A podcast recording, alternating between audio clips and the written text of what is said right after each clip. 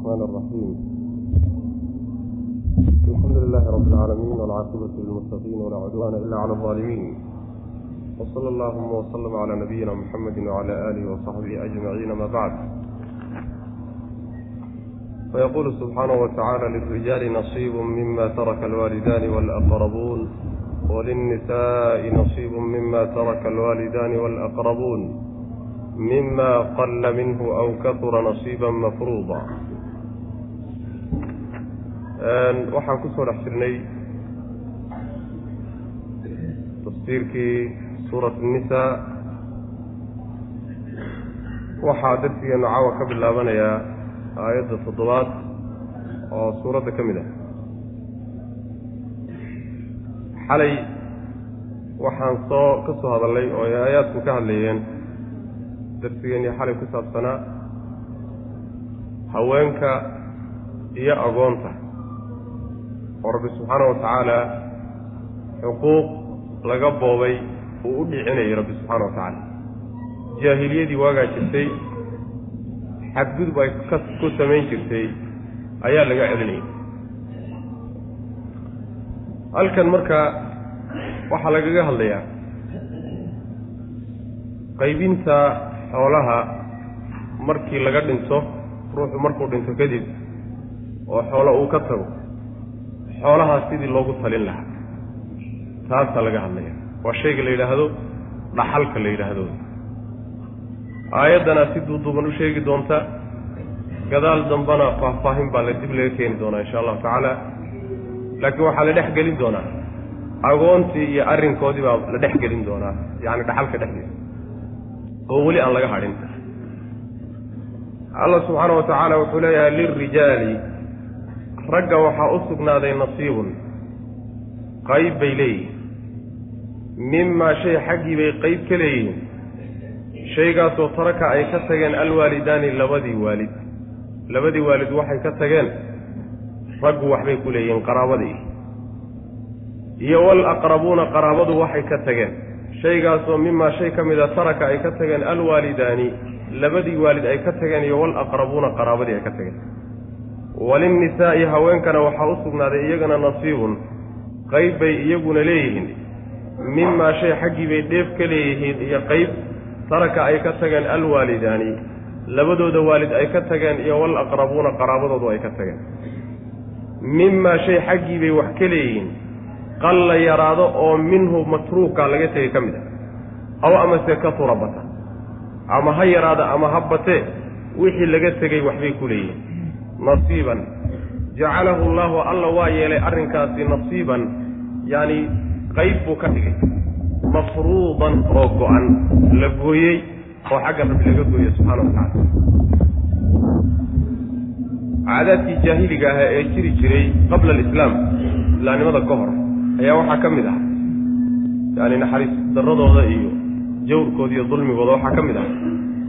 Dhaxalka mayna siin jirin dadka yaani tabarta daran dadka dacafada ee tabarta daran dhaxalka waxba lagama siin jirin. Sida haweenka oo kale iyo carruurta yaryarka oo kaleeta iyo lama dhaxal siin jirin. Waxa uun dhexli jireen ragga xoog xoogga badan. Waxay dhihi jireen ninkii uun dagaal geli kara oo wax soo dhici kara oo tolka difaaci kara ninkaas ya unbaa macnaha dhaxalka wax ku leh. Laakiin dhaxalka haweenna waxba kuma laha carruurta yaryarna waxba kuma laha saasay odhan jireen arrinkaa isagaabaa marka rabbi subxaana wa tacaala uu radinaya. Markaasaa waxaa si duuduuban loo sheegay ragguna wixii ay waalidiintood ka tagaan ama ay qaraabadoodu ka tagaan in ay ragga qaraabada ihii wax ku leeyihiin. Ama ha yaryaraadeen ama ha waaweynaadeen. Haweenkuna sidoo kale wax alla wixii ama qaraabatooda ay ka tagtay ama waalidiintood ay ka tageen qayb bay ku leeyihiin. Waxaa laga tegey ama wax badan ha noqdo oo xoolo fara badan ha noqdo ama wax yar ha noqdo. Intuu dooniba ha noqdee wixii laga tegey haweenkiina waxbay ku leeyihiin raggiina waxbay ku leeyihiin. Si duuduuban baa marka waxaa looga dhaadhiciyey oo qalbigooda loogu beeray. Dadkan yaryarkaana inay xaq leeyihiin haweenkuna inay xaq leeyihiin.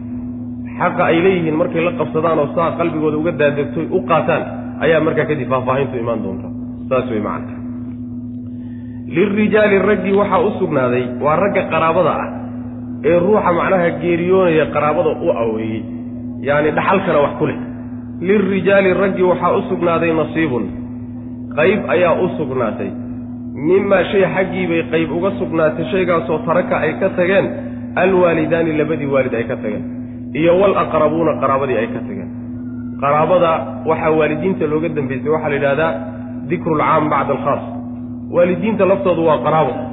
Ee laakiin waxaa loola jeedaa un waalidiinta intii ka soo hadhay ee qaraabada kale ah. Waxay ka tagaanna waxbay leeyihiin xoolahay ka tagaan. Walinnisaa'i haweenkiina waxaa u sugnaaday. Nasiibun qayb baa u sugnaaday. Qaybka mimaa shay xaggiibuu qayb uga sugnaaday. Shaygaasoo taraka ay ka tageen alwaalidaani labadoodii waalid ay ka tageen walaqrabuuna iyo qaraabadoodu ay ka tageen.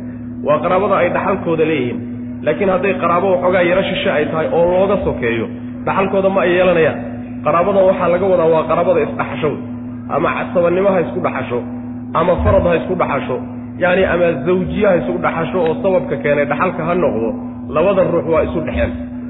Ama ha noqdo nasab ha noqdo. Ama ha noqdo macnaha waxa weeyaan oo ha ka timaado shayga leeda walah wax alla wixii rabbi uu jireeyey subxaana wa tacaala faahfaahinteedu gadaal bay noogu imaan doontaa insha allahu tacala laakiin halkan waxa uu lagu sheegay qaraabadu inay isdhexlayso haween iyo yacni carruur ha ahaadeen ama rag waaweyn ha ahaadeen. Mimaa shay xaggii bay wax uga sugnaadeen. Shaygaasoo qalla yaraaday oo minhu matruukaa ka mid a. Maadii hore macnaa wey mimaadani waxay ka beddelan tahay. Mimaa tarakadaasay ka beddelan tahay. Mimaa shay xaggii bay wax ku leeyihiin. Qalla yaraaday oo minhu shay wax xoolaha laga tegey ka mid oo amase kasura batay wixii ama bata ama yaraado oo xoolaha laga tegey ka mid a ayay nasiib iyo qayb ku leeyihiin. Nasiiban ayay leeyihiin ama jacalahu allahu alla wuxuu ka dhigay nasiiban. Qayb ayuu ka dhigay mafruudan oo la gooyey. Yacani waxa weeyaan ijtihaad ma geli karo wey ijtihaad iyo bal aan maslaxo gelinoo idinkuna intan qaata bal iyagana intan ha lagu sasabo ma ah. Waa wax go-an oo aydaan faragelin karin. Rabbi xaggiisay ka go-antay subxana wa tacaala oo waa loo gooyey goyntaasi marka dib bay ka imaan doontaa aayaadka soo socda ayaa faahfaahin doona insha allahu tacala waidaa xadara alqismata ulu lqurba walyataama walmasaakiinu farzuquuhum minhu waquluu lahum qawlan macruufa. Caadadaa marka jaahiliga ah yani soomaalidu qaybo badan bay kaga dhaqanta khaasatan yani dhaxalka haweenka. Haweenka lama dhaxal siiyo. Xaqiiqo jirta wey. Haweenka lama dhaxal siiyo. Ragga unbaa wax dhaxla. Carruurta yararkaa waa waxbaa la siiya taqriiban. Ayaga laftoodana waa la boobaa ayaga laftooda waa la boobaa oo sida xaqa ay leeyihiin loo mariyo. Laakiin dadka dulman ee runtii waxa weeyaan xaqooda la duudsiiyey waxa weeye waa haweenka wey. Dhaxalka waxba lagama siiyo. Dhaxalkooda marka waxa weye caadadaasi waa caado jaahiliya oo sharcigu diiday wey. Waxay leeyihiin waa in gaar loogu gooyo in badan oo caadaadka soomaalida ah yaani waxaad runtii waxa weeye dareemaysaa inay ka soo jeedaan waxay aad isugu dhow yihiin caadaadkii jaahiliga ee qabla alislaam ah caadaad fara badan iyo dhaqamo badan oy leeyihiin. Yaani markaad caadaadkii jaahiligii carbeed daraasayso waxaa kuu soo baxaysa inay meelo fara badan ay isaga dhow yihiin macana caadaad fara badan baa inoo soo guuray oo inooga yimid macnaha meelahaas wa idaa xadara haddii ay soo xaadiraan oo yimaadaan alqismata qaybta hadday yimaadaan. Xoolaha meesha lagu qaybinaya hadday yimaadaan ulul qurbaa kuwii qaraabtinimada u saaxiibka ah oon dhaxalka lahayn qolo qaraaba ah oo iyagu inta wax dhexlaysa aan ahayn haddii ay meeshii wax lagu qaybinaya yimaadaan. Walyataama agoontii hadday yimaadaan iyo walmasaakiinu masaakiintii hadday soo xaadiraan farsuquuhum irdaaqa oo wax ka siiya minhu kaa la qaybinayo xoolaha aad qaybinaysaan wax uga tuura.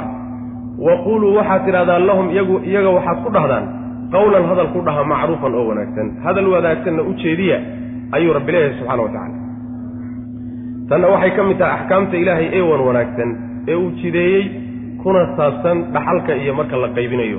Ayay ka mid tahay. Macnaheedu waxa weeye aayaddu ay leedahay markii aada xoolaha dhaxalka qaybinaysaan haddii ay dad qaraabo iyo xigaal ah oon dhaxalkii dadkan dhaxalka qaybsanaya aan ahayne laakiin xigaal iyo qaraabo kale ah ama dad masaakiina iyo dad agoon ahoo baahan hadday goobta yimaadaan waxoogaa hunguriya iyo hanqaltaagana uu ka hayo xoolahan meeshan lagu qaybinayo ha qadinina. Waxoogaa u balbalqiya wey. Farsuquuhum minhu. Waxoogaa idinkana aan idin dhibaynin ayagana dheef oo samris samris u ah oo qalbigooda kaba u daadiyo u tuura wey macana hadal wanaagsanna ku dhaxa. Marka waxa weeyaan waa dadkii dhaxalka mutay dad aan ahayn oo goobtii wax lagu qaybsanayo iska soo istaagay. Ma u jeedaa iyagoo waxoogaa hunguri ka hayo xoolahaas la qaybsanayo dadka iyagaa waxoogaa ha loo tuuro saasaa laleey marka rabki baa la luqada carabigo macnaheedu waxa weeyaan dadkaa meesha yimid waxoogaa hunguriguna ka hayo xoolahan idinka laftiina bilaash ba idinku soo galeen. Waxaad u dhidideen ama aad shaqaysateen ma aha. Waa waxay rabbi subxaana wa tacaala idiin xugmiyey oo bilaash laydinku siiye wey hadday saa idinku soo galeen marka dadkan marka baahan ee meesha jooga ee qalbigoodi iyo hungurigoodu xagga u soo taagan yahay waxoogaa ku samriya macna. Saas wey aayadda marka waxaa la isku khilaafsan yahi mufasiriintu isku khilaafsan yihiin xukumkeedu weli ma jira oo muxkamo miya. Mise xukumkeeda waa la laalay oo waa la bedelay oo mansuukho wey. Labadaasaa la isku khilaafsan yahay in badanoo culimmada ka mida waxay leeyihiin aayaddu inay mansuukho tahay. Xukumkani waa la nasakhay oo waa la bedelayo waxaana lagu bedelay aayadda inoo soo socotee yuusiikum allahu fii awlaadikum lidakari midlu xadi lunsayeyni haddii cid walba oo xaq lahayd xaqeedii loo gooyey oo dhaxalkii la qaybiyey tantadaata waxay ahayd intaan aayaadkaasi soo degin oon dhaxalka saa loo qaybinin. Ayaa waxay ahayd yacni aayaddantadaata ayaa xukumkeedu uu jiray. Aayaadkaasi markay soo degeenna xukumkeedii waa la bedelay sidaa daraaddeed xoolaha meesha lagu qaybsanayo dadka yimaadahay waxba in la siiyo waajib maaha sidaasay culimada qaar ka mid a qaba qaar culimmada ka mid oo ibnu cabbaas iyo ardadiisii u badan na waxay leeyihiin aayaddu muxkamo wey oo xukumkeedii weli waa jira baaqi. Laakiin xukumkan kadaato oo dadkaa meeshaa yimid in wax looga tuurtuuro wax loo daadiyo ah ma waajib baa mise waa sunno. Taa waa isu khilaafsan. Mar waxay leeyihiin waa waajib marna waxay leeyihiin may waajib ma aha. Nadbi inay tahay oo ay sunno tahay oo ay fiican tahay saasaad moodaa inay macnaha waxa weeye raajix tahay maxaa yeelay rabbi subxaana wa tacaala cid walbo xaqla xaqeeda wuu siiyey aayadda marka in muxkamo laga dhigo oo xukumkeedii weli baaqiya laakiin nadbi laga dhigo inay fiican tahay laga dhiga aynan mulzam iyo laazim ahayn saasaad moodaa inay muxaqiqiinta mufasiriinta qaar ka mida dooranayaan. Waidaa xadara alqismata yacni beertaa sidoo kaleeta beertu markay go'ayso oo kale ayadana sidaasoo kaleetaa la yidhaha markay beertu kuu go'ayso dadka masaakiintay ku yimaadee meesha isa soo taagtaaga ee waxoogaa hunguri ku jiro waxoogaa u turtur ama wax intaad meesha uga tagto feenfeenta dhe waxaa meeshaa ku yaalla googoosta taasna macnaha waxa weye iyada lafteeda waa loo baahan yahay fii suurati alqalam ayaan ugu tegi doonaa insha allahu tacaala qolyo ilaahi subxaana wa tacaala uu ciqaabay oo waxa macnaha waxa weye sunno ahaa oo beerta laga bixin jiray intay ka tageen rabbi subxaana wa tacaala beertii o dhanba ka gubay. Waidaa xadara haddii ay yimaadaan alqismata qaybta dhaxalka la qaybinayo iyo meesha lagu qaybinayo hadday yimaadaan ulul qurbaa dadka qaraabtinimada iyo xigaalnimada u saaxiibka ah oon kuwii wax dhexlayay ahayn wey macna. Hadday meesha yimaadaan iyo walyataama agoontii hadday yimaadaan iyo walmasaakiinu masaakiintii farsuquuhum irsaaqa oo wax ka siiya minhu xoolaha aad qaybinaysaan xaggiisa wax ka siiya. Yacni waxa weye wax u sayrtayro wey wax u sayrtayro waxaan idinkana dhib weyn idinku ahayn. Ayagana dheef oo samrinaya waxoogaaga ku tuura. Waa intaan xoolaha la qaybinin xoolihii intay isku jiraan warasadu waa inay ku wada raalli noqdaan oy ku tashadaan. Yacni intaas inaan u goyno dadkan meeshan yimid inaan ku samrinoon u tuurno. Taas markay isla ogolaadaan. Farsuquuhum min. Marka haddii la yidhahda aayaddu muxkamo wey camalkeedu yacni taqriiban waxaad moodaa inuu matruug yahay oo bulshada islaamigii ka tagtay. Hadda ka hor baana culimmadu ka dayriyeeno rag fara badan baa ka dhawaaqay hadda ka horo aayadda xukunkeeda in laga tegayoo dadku waxbaa la dhaxlaayo dhaxal u inay ku doodaan mooyaane kuwii xaq lahaa mooyaane. War kuwo kaloo meesha yimid waxoogaha loo tuuro yacni lays odhan maayo. Bal waxaa macnaha la soo geliyaa meesha waxa yidhaha xaqulqalam xaqulqalam oo meel laga gelay aniga aana garanay yaani wadaadka qaybinahaya dhaxalka xaq baa loo goyn.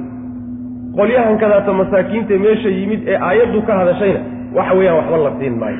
Kan kadaato oo meel wax loogu sheegay aan la garanayninna yacni waxa weye waxbaa loo ogoliyay sidaas wey marka waxa weeye yaani waa sunna loo baahan yahay in la fuliyo sadaqana ah waana inay dadka xoolaha le ku raalli noqdaan wey mana ee iskale macnaha dhaxalkale wa quuluu waxaad tidhahdaan lahum iyaga waxaad ku tidhahdaan qawlan hadal ku dhaha hadalkaasoo macruufan wanaagsan. Hadalkaa wanaagsan waxay leeyihiin mufasiriintu ama xoolaha dadkii lahaaba carruur yar yar ah oo aan waxba bixin karin waxba kama bixi karaan. U cudur daarta markaasoo kale. Oo hadal wanaagsan dhaho oo warnimayo hade annagu wixii ma mulkino carruurtaa yaryarkeen waxba ka gu-in baa iska leh. Hadal noocaasoo kaleeta yacni ku dhaha. Hadal aan dhibaynin oo ayna dhibsanaynin oo qalbi jab ku keenaynin ku dhaha oo ku samriya macnaha saasuu rabbi ilahi subxana wa tacala walyaksha aladiina low tarakuu min khalfihim duriyatan dicaafan khaafuu calayhim falyataquu llaha walyaquluu qawlan sadiida.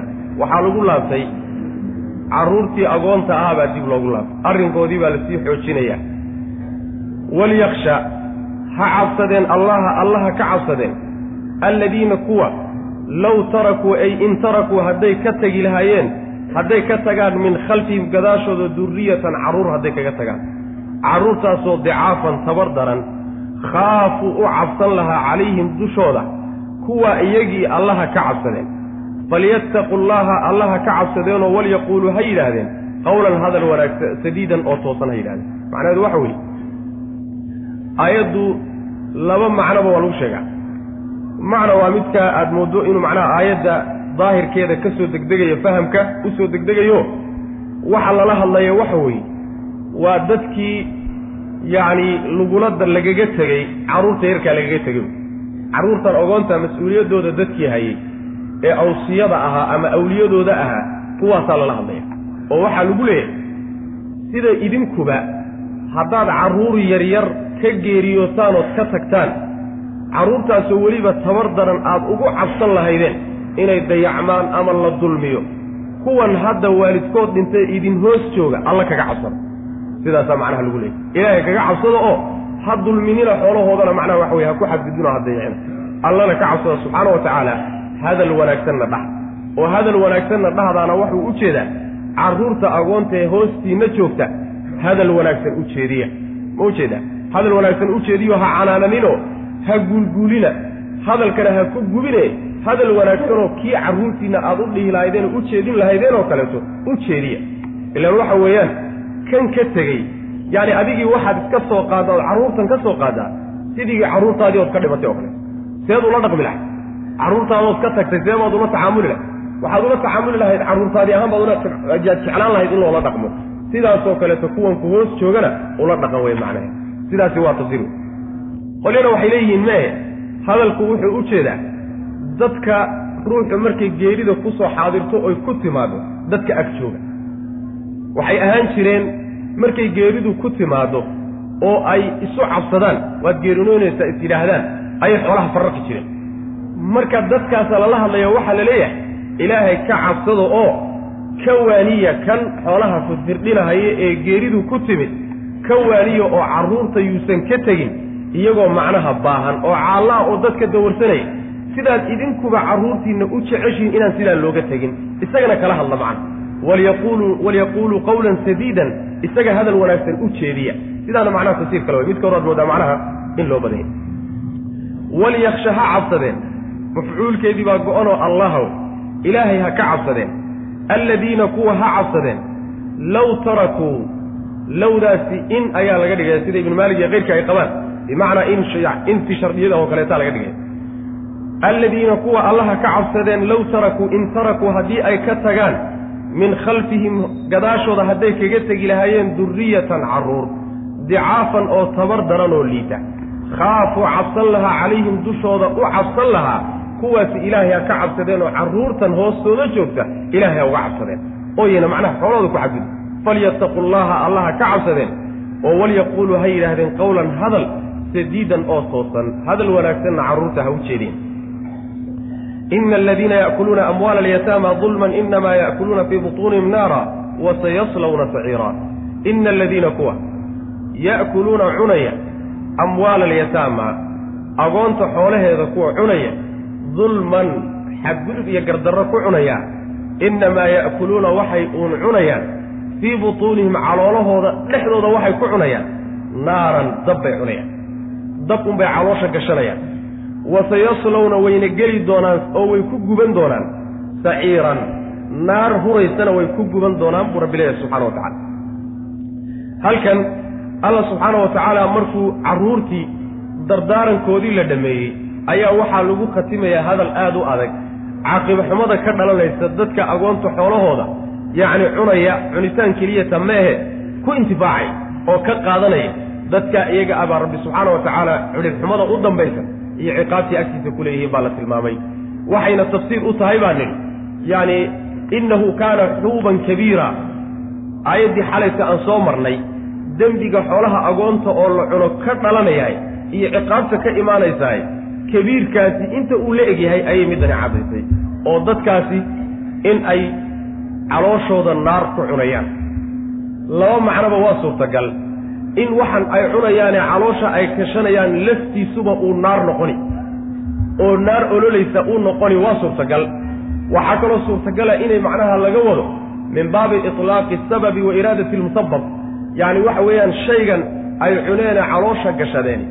Sabab wuxuu u noqon doonaa naar calooshooda gubta ayaa ka dhalan doonta uu keeni doonaa. Taasina waa macno macquul wey naarta saciire ayayna geli doonaan buu rabbi ilahi subxana wa tacala agoonta xoolahoodoo la cuno oo xaq darro lagu cuno. Xaq miyaal marnaba ay noqon karaan cunitaankoodu haa xaq bay noqon karaan. Waa inagii soo marnay xalayto in ruuxa faqiirka ah ee agoonta xoolahooda gacanta ku hayaay u haye ee macnaha waxa weye u ilaalinahaye u rogrogayaay ruuxaasi inay u bannaan tahay calaa qadri xaajatihi daruuriya inuu ka isticmaali karayo waa xaq lagu cuni karo. Waxaa kaleetoo baxaya oon soo marnay wain tukhaaliuuhum faikhwaanukum fi ddiin wain tukhaaliuuhum faikhwaanukum yacni walaaladiin wixii sidaasoo kaleeta ah ama mee haddaad ka iibsato ood kala wareegto ama uu ku siiyaba hadduu wax bixin karo inuu wax bixiyo uu gaadhay yacni waxa weeye waxyaalahaasoo kaleeto waa wujuuh xoolaha agoonta lagu qaadan karo xaqa. Waxaa laga wadaa marka uu ciqaabtani ka dhalanaysaa markii dulmi iyo gardarro uu yahay. Waxaan sharcigu ogolanaya jid uusan rabin oo uusan ogolayn markaad ku qaadato marka waxay ka mid tahay min kabaa'iri dunuub bay ka mid tahay. Dunuubta teeda waaweyn ayay ka mid tahayo. Nabigeennaa yidhi salawatullahi wasalaamu caleyh wuxuu ku dalay toddobada muubiqaadka. Ah toddobada waaweyn ee dadka cadaabka geliye ee halaagaay. Waxaa ka mida wa aklu maali lyatiim agoonta xoolahooda la cuno ayaa ka mida uu nabigu ku tiriyey salawatullahi wasalaamu caleyh marka aadaa laysaga ilaaliya ina aladiina kuwa ya'kuluuna cunaya. Amwaala alyataama xoolaha agoonta cunaya ama isticmaalaya wujuuh kaloon cunitaan ahayn u isticmaalaya. Dulman gardarro ku cunaya innamaa ya'kuluuna waxay uun cunayaan. Wax kale ma ahe waxay uun cunayaan. Fii butuunihim caloolahooda dhexdooda waxay ku cunayaan. Naaran dab bay ku cunayaan. Iyagoo dab daaqahayoo kale ay ka dhigan yihiin. Cadaab ayagoo daaqayoo kale ayay ka dhigan yihiin. Maxaa yeele ama cadaab bay isu rogi ama tan lafteedaaba cadaab noqonaysa macana wasayaslawna wayna geli doonaanoo way ku guban doonaan saciiran bay ku guban doonaan. Naar huraysana way geli doonaanoo way ku guban buu rabbi leeyahay subxaana wa tacala yuusikum allahu fii awlaadikum lildakari midlu xadi lunsayayn. Fain kuna nisaan fawqa tnatayni falahunna hulusa maa tarak. Wain kaanat waaxidatan falaha nisf. Halka waxaa laga guda galay dhaxalka faahfaahintiisa axkaamta sharciga ah sida dhaxalka loo faahfaahiyey oo loo kala dhigdhigay oo suuraddani ay u kala dhigdhigtay waa yartahay xukun saas loo kala dhigdhigo. Yuusiikum ullah alla wuxuu idin dardaarmayaa ama idin amrayaa. Fii awlaadikum carruurtiinna fii sha'ni awlaadikum carruurtiinna arrinkoodu rabbi idinkala dardaarmaya. Ama wuu idin amrayaa rabbi? Carruurtiinna arrinkooda ayuu idin amrayaa bimaa yudkar waxa la sheegi doono waxa la soo socday axkaamta soo socota ayuu rabbi idin amrayaa oo ku saabsan carruurtiinna lidakari kallab waxaa u sugnaaday oo minhum macnaha ka mida awlaaddii midlu xadi lunsayayni labada dhadiga ah dheeftoodoo kaluu leeyahy laba dhadiga dheeftay leeyihiin iyo qaybkay qaadanayaan ayuu halkii lab ahaa leeyahy fa in kunna hadday yihiin la kuwii dhadiga ahaa nisaa'an fa in kunna hadday yihiin almawluudaatu wey ama awlaaddii haddii ay yihiin nisaa'an haween hadday yihiin. Haweenkaasoo fawqa snatayni laba ka badan. Falahunna waxaa u sugnaaday haweenkaa labada ka badan hulusaa maa taraka. Wuxuu ka tegey maydku saddex meelood marka laloo laga loo kala dhigo laba dalool.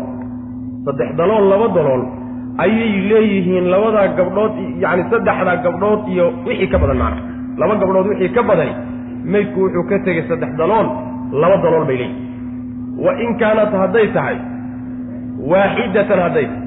Wa in kaanat ilmawluuda wey tii la dhalay ee wax dhexlaysay waaxidatan hal mid hadday tahay hal gabadha wey.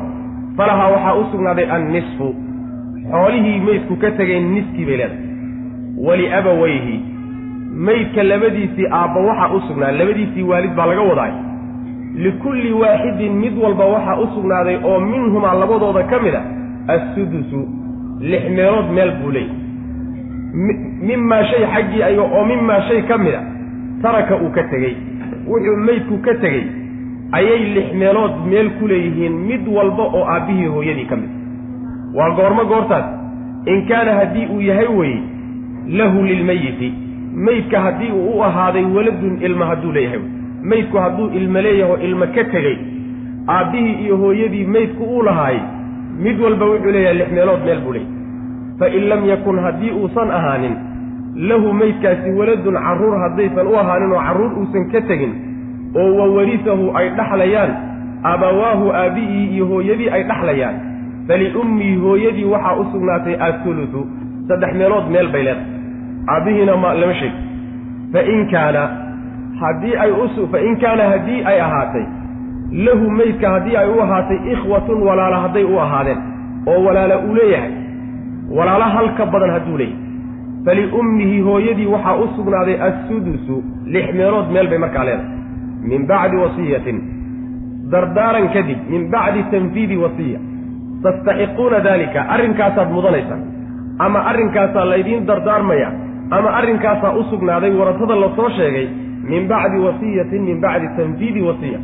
Dardaaran fulintii kadib. Dardaarankaasoo yuusii uu dardaarmayo maydku bihaa dardaarankaa uu dardaarmayo. Dardaaran uu dardaarmay markaad fuliseen kadib ayaad sidaasi macnaha waxa weeye u mudanaysaa aw amase daynin aw bacda qadaa'i daynin. Dayn maydku lagu lahaa gudideed kadib markaad guddaan kadib ayaad macnaha waxa weye sidaa wax u qaybsanaysaa. Ina allah aabaa'ukum aabbayaashiin iyo wa abnaa'ukum carruur wiilashiinna. Laa tadruuna ma ogidin ayuhum koodii. Aqrabu dhowaansho badan lakum idinka nafcan intifaac ahaan idiin dhowaansho badan. Koodii nafcigiisu idiin dhow yahay. Aabbayaasha iyo carruurta ma kala ogidin. Mar haddaydan kala ogeyn allaa oge u daaya wey macana oo uga dambeeya. Fariidatan farada daalika arrinkaa alla waa qadaray fariidatan ama wuu waajibiyey oo wuu laasimiyey fariidatan qadarid ayuu alla qadaray oo min allahi xagga alle ka ahaa. Ina allaha alle kaana wuxuu ahaaday caliiman. Midkii og buu ahaaday xakiiman oo haddana falsano shay walba meeshii uu mudnaa ee uu ku habboonaa dhigan wey rabbi subxana wa tacala aayaddan iyo midda ka dambaysaba dhaxalkii ayay faahfaahinaysaa sidaanu sheegnayba. Dhaxalkana waa cilmi gooniya oo madax bannaan wey kutub buu leeyahay oo mu'alafaad buu leeyahay oo rag mutakhasisiina ayuu leeyahay. Waxaana aahaar fara badan ku soo aroortay in uu ka mid yahay culuumta ugu horraysa ee la waayi doono. Culuumta ugu horraysa ee la waayi doono cid yaqaano oo dadka ka dherjiya ama ku kala saara. In la waayi cilmiga ugu horreeya ee la waayi doono inuu yahay ayaa aahaar fara badan ku soo aroortay. Wa ficlan hadda sidii waa muuqataa. Waa muuqataayo dadka cilmu faraa'idka yaqaana xataa dadka fuqahada ee fiqhiga yaqaana. Cilmu faraa'idka inta yaqaanaaye ma badnaa. Sidaas wey macna. Marka waa cilmi mudan wey in runtii lagu dadaalo wey in lagu dadaalo cilmi mudan wey rabbi subxaana wa tacaala marka wuxuu leeyahay carruurtiinna ayuu rabbi subxaana wa tacaala idiin dardaarmaya. Aayaddani waxay ku soo degtay baa la oo xadiid ku soo arooray yani xadiidka jaabir bni cabdillahi radi allahu canhu uu warinayo. Ninkii la odhan jiray sacd ibnu rabiic ayaa waxaa wuxuu ka mid aha raggii lagu dilay dagaalkii uxed xadiidku waa xadiis saxiixa wey laba gabdhoodna wuu ka tegey iyo hooyadood. Labadii gabdhood iyo hooyadood iyo xooluu ka tegey. Markuu sacad dhintay kadib gabdhihii adeerkood oo sacad walaalkii ahaa ayaa intuu yimid buu xoolihii oo dhan qaatay. Siday jaahiliyadu ahaan jirtay. Haweenaydii oo dacwaa baa nabiga u timi sal alla alay waslam xaaskii sacad ninkii dhintay xaaskiisii markaasay ku tihi nabiga ilaahay oo sacad waa dhintay waa la dilay oo uxud buu raggii macnaha lagu dilay ee kaa garab dagaalamayay buu ku jiray. Laba gabdhoodna waa ka tegey xooluhu uga tegeyna adeerkood baa qaatay. Sidaad ogsoon tahayna gabdhuhu haddaysan xoolahayn la guursan maayo. Saasay ku tiri. Markaasaa nebigu wuxuu yihi sal alay waslam iska sug ilaahay baa xugmin doone. Aayaadkana marka soo degay yuusiikum allahu fii awlaadikum lidakari mislu xadi luntayayn markaasaa nebigu sal alay slam wuxuu u yeedhay ninkii gabdhaha adeerkooda markaasaa wuxuu ku yidhi acti bnatay sacdin asulutayn sacad labadiisa gabdhood waxaad siisaa xoolaha saddex meelood intaad u kala dhigto laba meelood isku sii labada gabdhood. Wa ummahuma sumuna qaybiyey oo macnaha waxa weeyaan nebigu uu qaybiyey. Aayadani aayaadkana marka soo degay oo rabbi subxaana wa tacaala uu ku jidaynayo dhaxalka uu ku jiday sabab nuzuul kalena waa la sheega carruurtiinuu alla idin dardaarmaya subxaana wa tacaala oo arrinkooda laydinkala dardaarmaya. Yacni macnaha waxaa laga wadaa masaalixdooda diineed iyo kuwooda adduunyaba inaad ka shaqaysaan oo edbintooda iyo inaad xumaanta ka ilaalisaan iyo inaad waxbartaan iyo inaad daacada ilaahay ku hagaajisaan iyo taqwada rabbi subxaana wa tacaala inaad ku hagtaan iyo taasaa rabbi idinkala dardaarmaya subxana wa tacala macnaha guud bay culimada qaarkood ku tilmaamaya oo waxay la mid tahay yaa ayuha aladiina aamanuu quu anfusakum wa ahliikum naara waquuduha annaasu walxijaara calayha malaa'ikatun khilaadun shidaad. Carruurta iyo ehelkii iyo xaasaska cadaabka rabbi subxaana wa tacaala ka badbaadiya oo kula dadaala diinta rabbi wey subxana wa tacala waxay aayaddu kutusaysaa waxaa soo gudagelaya marka carruurtu waxay xaqnimo u leeyihiin oo dhaxalkooda iyo xoolahooda ah inaydaan macnaha waxa weyaan aada u goysaan oo idaan ka dulminin. Waa soo gudagelaya macnaha waxay aayaddu kutusaysaa allah subxaana wa tacaala inuu addoommadiisa uga naxariis badan yahay xataa waalidiintooda dadka ugu naxariis badan khalqiga kuugu naxariis badan waa waalidiin. Waalidiinna allah kaaga naxariis badan subxana wa tacala maxaa yeelay waalidiintiibaba dardaaran siinayaayo carruurtii baa lagala dardaarmaya. Ayaga marka inuu rabbi nooga naxariis badan yahay subxaana wa tacaala ayay aayaddu muujinaysaa macna. Carruurtiina marka laydinkala dardaarmaya markaasaa dhaxalkii la gudagalay. Waxaa la yidhi midka labka ah wiilka maydku u dhalay waxa uu leeyahay laba gabdhood intay isku qaadanayaan buu isagu qaadan. Lidakari mitlu xadi lunsayayn waxaa loogu hormariyey carruurtii meydka waxaa la yidhahdaa furuuc baa la yidhaahdaa. Maxaa yeelay hum alsaqu bilmayiti min hayrihim cid walba ay oo qaraabada intooda kalea iyagaa meydka ka xiga. Sidaa daraaddeed baa iyaga lagu bilaabay. Waxaa markaa yacni waxay noqonaysaa carruurta meydku u dhalay inay wiilal keliya yihiin iyo inay gabdho keliya yihiin iyo inay gabdho iyo wiilal isku jira yihiin saddexdaa mid ka mid un noqon. Haddii ay wiilal keliya yihiin xoolaha oo dhan ayagaa wada qaadan. Wiilal keliya wey gabdhaba kuma jiraan. Xoolaha oo dhan bay wada qaadanaya hadday keligood yihiinoo yacni dad kale oo qaraabo oo wax la dhaxlaya aysan jirin keligood baa xoolaha urursan ayaguna si siban bay ku qaybsanayaan. Haddii dad kaleoo qaraabo oo wax la dhaxlaya ay jiraanna dadkaa qaraabada ahe ahlulfaradka markay waxooda qaataan kadib wuxuu u soo hadhay wiilashaasi si siban u qaybsanaya waa hadday wiilal keliya umeydku ka tega way carruurta haddii uu ka tegey gabdho iyo wiilal ka tegeyna wiilkii wuxuu leeyahay laba gabdhood yacni waxay qaadan lahaayeen buu qaadanayaa halkii wiil. Macnaheedu waxa weeye hadday masalan yihiin wiil iyo macnaha wiil iyo laba gabdhood xoolaha saddex meelood baa loo qaybin. Laba meelood waxaan u jeedaa wiil iyo masalan wiil iyo haddii ay gabadh noqdaan wiil iyo gabadh hadday noqdaan. Xoolaha saddex meelood baa loo qaybin. Laba meelood waxaa la siinayaa wiilkaa la siin yaani gabadhana hal meel baa la siinaya.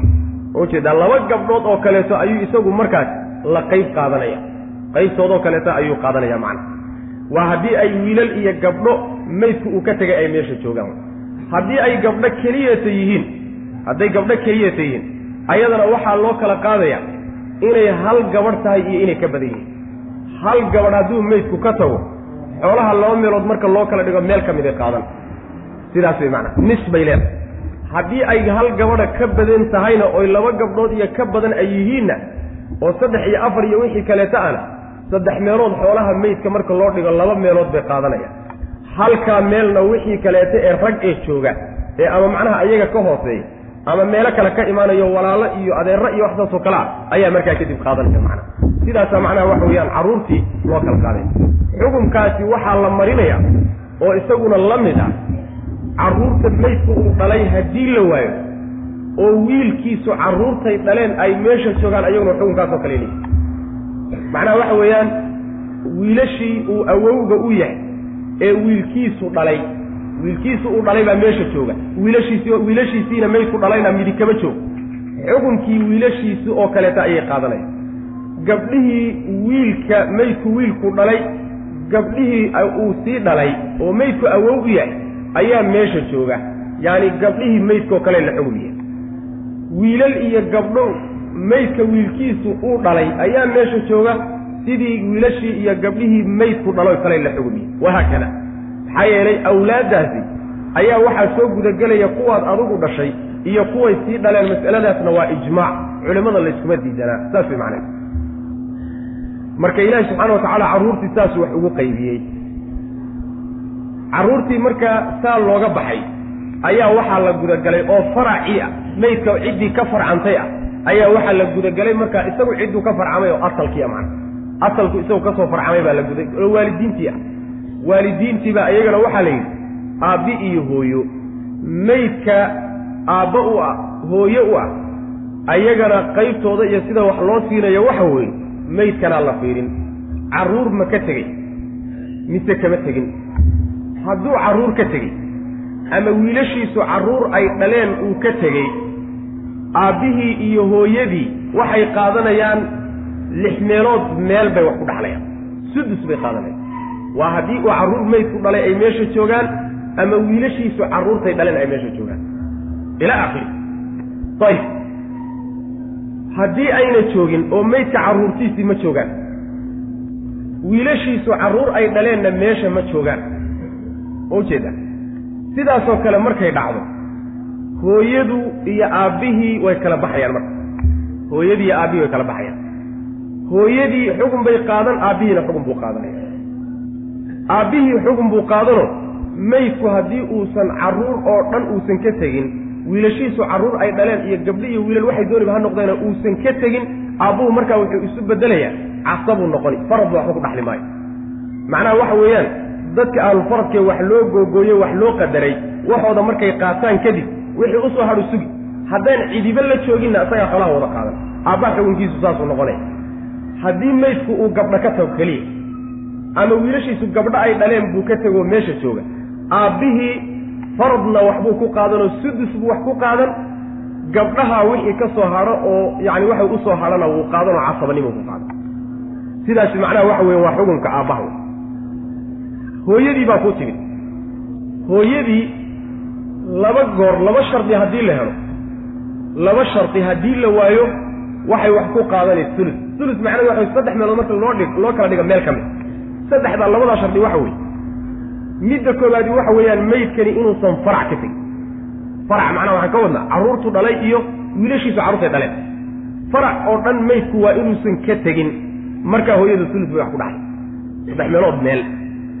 Shardiga labaadna waxa weeye waa in aysan joogin walaalo meydka la walaalo ah ama xagga hooyo ama xagga aabbo ama aabbiyo hooyo waa inaysan wax walaala oo hal ka badan meesha joogin labadaa shardi marka la helo hooyadu sulus bay wax ku dhaxlay saddex meelood meel bay wax ku dhaxlay mid ka mid a haddii la helo hooyadu sudus bay u guuri. Matalan walaalo hal ka badan baa meesha yimid. Hooyadii sudus bay wax ku dhaxlay ama ma ahee meydkii wuxuu ka tegey farac lab ha noqdo ama dhadig ha noqdo hooyadii sudus bay u guuri. Labadaa shardi oo labadooduba cadami ah waa in labadoodaba la waayo. Marka la waayo kadib bay hooyadu sulus wax ku dhaxlaysaa shardi kaleetaa jira macnaha ay fuqaadu sheegaan. Sulusulbaaqi wax saasoo kale.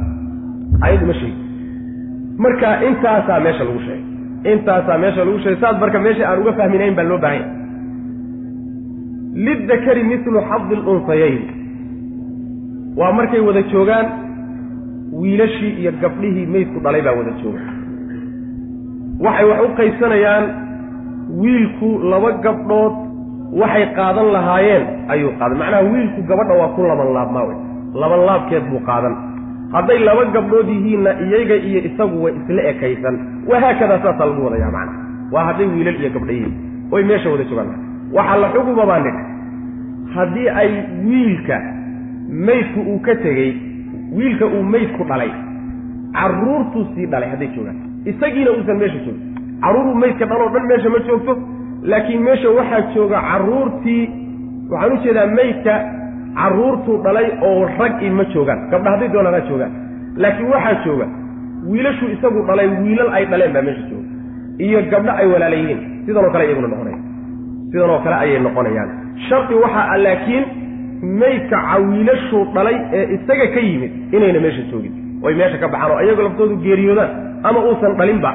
Haween ha joogaan ama yaysan joogin carruurta meydku awowga u yahay wiilasha ee wiilkiisu u dhalay ayaguna sidoo kaleta wey lidakari mitlu xaddu lunsayayni wiilashiiyo gabdhuhu saas iyaguna wax ku qaybsanaya ayib kaasi mid wey waxa ku yimid haddii ay meydku uu gabdho keliya ka tago gabdho keliyuu ka tagay wiilalo mataraxaan fa in kunna hadday yihiin nisaa'an haween keliya hadday yihiin haweenkaasoo fawqa snatayni laba ka badan.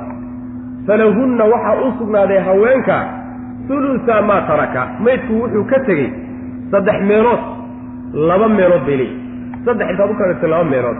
Waa haddii gabdhaha uu maydku ka tegey ay ka badan yihiin laba ay ka badan yihiin.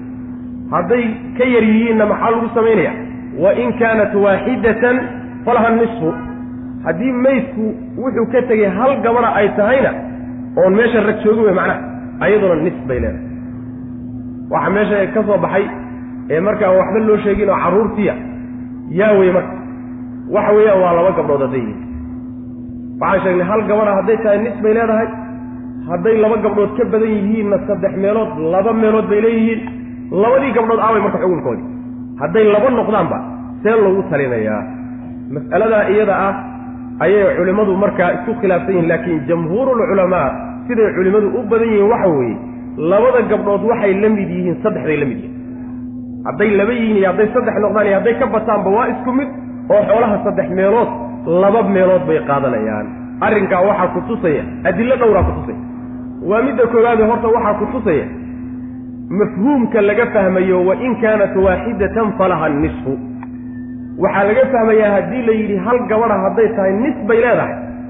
Waxaa laga fahmayaa hadday ka bataan in macnaha waxa weeyaan xooluhu uga badanayo taasi waa mid. Ta labaad waxaa looga qiyaas qaadanaya gabdhaha meydka ay walaalaha yihiin. Laba gabdhood oo meydka ay walaala yihiin hadday meesha joogaan shuruudoodiina la helo nis sulusayn bay wax ku dhaxlayaan. Suuradda aakhirkeeda aayadda ugu dambaysa ayay inoogu iman doontaa insha allahu tacaala fain kaanat asnatayni falahuma sulusaani mima taraka gabdhihii meydka ay walaalaha ahaayeen ayadana waa looga qiyaas qaadan waxaaba intaasoo dhanba ka xoog badan xadiidkii jaabir ibnu cabdillaahi ee hadda aan sheegaynay labadii gabdhood ee sacad ibnu rabiic uu ka tegey nebigu sal alay wasalam adeerkood muxuu ku yidhi acti ibnatay sacdin asulusayn buu nebigu ku yidhi sal alay waslam labadii gabdhood ee sacad ka tegey sulusayn si buu nebigu ku yidhi sal alay waslam adeerkood marka labada gabdhood saddexdaa la haleeshiinaya. Fawqadaasi marka ayaa culimmada qaarkoodna waxay lehin waa xaraf zaa'ido waxa uu laga wadaa fa in kunna nisaa'an isnatayni famaa fawqaha saasoo kalea laga wadaa. Fawqaduna ziyaado marmarka qaarkood waa ku timaadaayo fadribuu fawqa alacnaaqi oo kaleeto. Saasoo kaleetay macnaha leeyihi soo dheer baa meeshaa ku jirta oo maqaamku uusan saamaxaynin. Laakiin ujeeddadu waxa weeye laba gabdhood hadday yihiin iyo saddex hadday yihiin hadday ka badan yihiinba sulusayn bay leeyihiin macna. Labadii gabdhoodna iyagana halkaas ayaan xukunkooda ku dilaynaa macna. Ayib haddii gabdhihii aan sheegnay gabdhaha waxaa la mida iyagana wiilku gabdhuhu dhalay. Maydka wiilku dhalay. Gabdhuhu sii dhalay oon walaaladood joogin ma ujeeda maydkaas meesha yaalla carruur uu dhalay oo dhanna ayna meesha joogin. Lab ha noqdeen ama dhadig ha noqdeen ayaguna sidan oo kale noqonaya laba gabdhood oo maydku awow iyo wiilkiisu dhalay ayaa meeshii jooga. Carruur maydku dhalayna ma joogaan. Lab iyo dhadigtoona labadaa gabdhood iyo wixii ka badan oo gabdha ah sulusayn bay iyaguna ku dhaxlayaan yacni waxay la mid yihiin gabdhihii maydku dhaloo kale la mid yihiin. Wahaakada siday wiilashii wiilku dhalayba markii wiilashii maydka la waayey ay booskii wiilasha maydku dhalay ay u buuxiyeen ayay gabdhihiina sidoo kale yihiin macna. Saas wey macna. Halkaa marka carruurtii baa lagu soo gabagabeeyey weli abaweyhi labadiisa waalid waxaa u sugnaaday. Taqliib baa la yidhaahdaayo aabbaa laga wada dhigay labadoodaba. Macnaha waxa weeyaan lafdiga aabba ayaa la wada mariyey labadii waalid baana laga wadaa. Labadiisa waalid maydka waxaa u sugnaaday. Likulli waaxidin mid walba wuxuu leeyahay oo minhumaa labadooda ka mid a assudusu buu leeyahay mimaa taraka wuxuu maydku ka tegey. Maydku wuxuu ka tegey buu sudus ku leeyahay mid walba. Goormo ayuu ayay sudus leeyihiin baa waxay sudus leeyihiin baa nidhi markii shardi la helo oo ah in kaana lahu waladun. Maydku markuu carruur ka tago. Carruur hadduu meydku ka tago ama gabdha ha noqdeen wiilal ha noqdeen ha isku jireen hadduu meydku uu ka tago carruur ka tago aabbuhuna wuxuu qaadani lix meelood meel hooyaduna waxay leedahay lix meelood meel bay leedahay. Waxaa la mida carruurta meydku u dhalay carruurta wiilkiisu dhalayna waa la mid hadday meesha joogaan iyaguna sidaasoo kale unbay aabbihii hooyadu wax ku qaadanayaan macna. In kaana lahu waladun waladkaa waxaa soo gelaya kuwuu dhalay iyo wiilashiisu kuway dhaleen.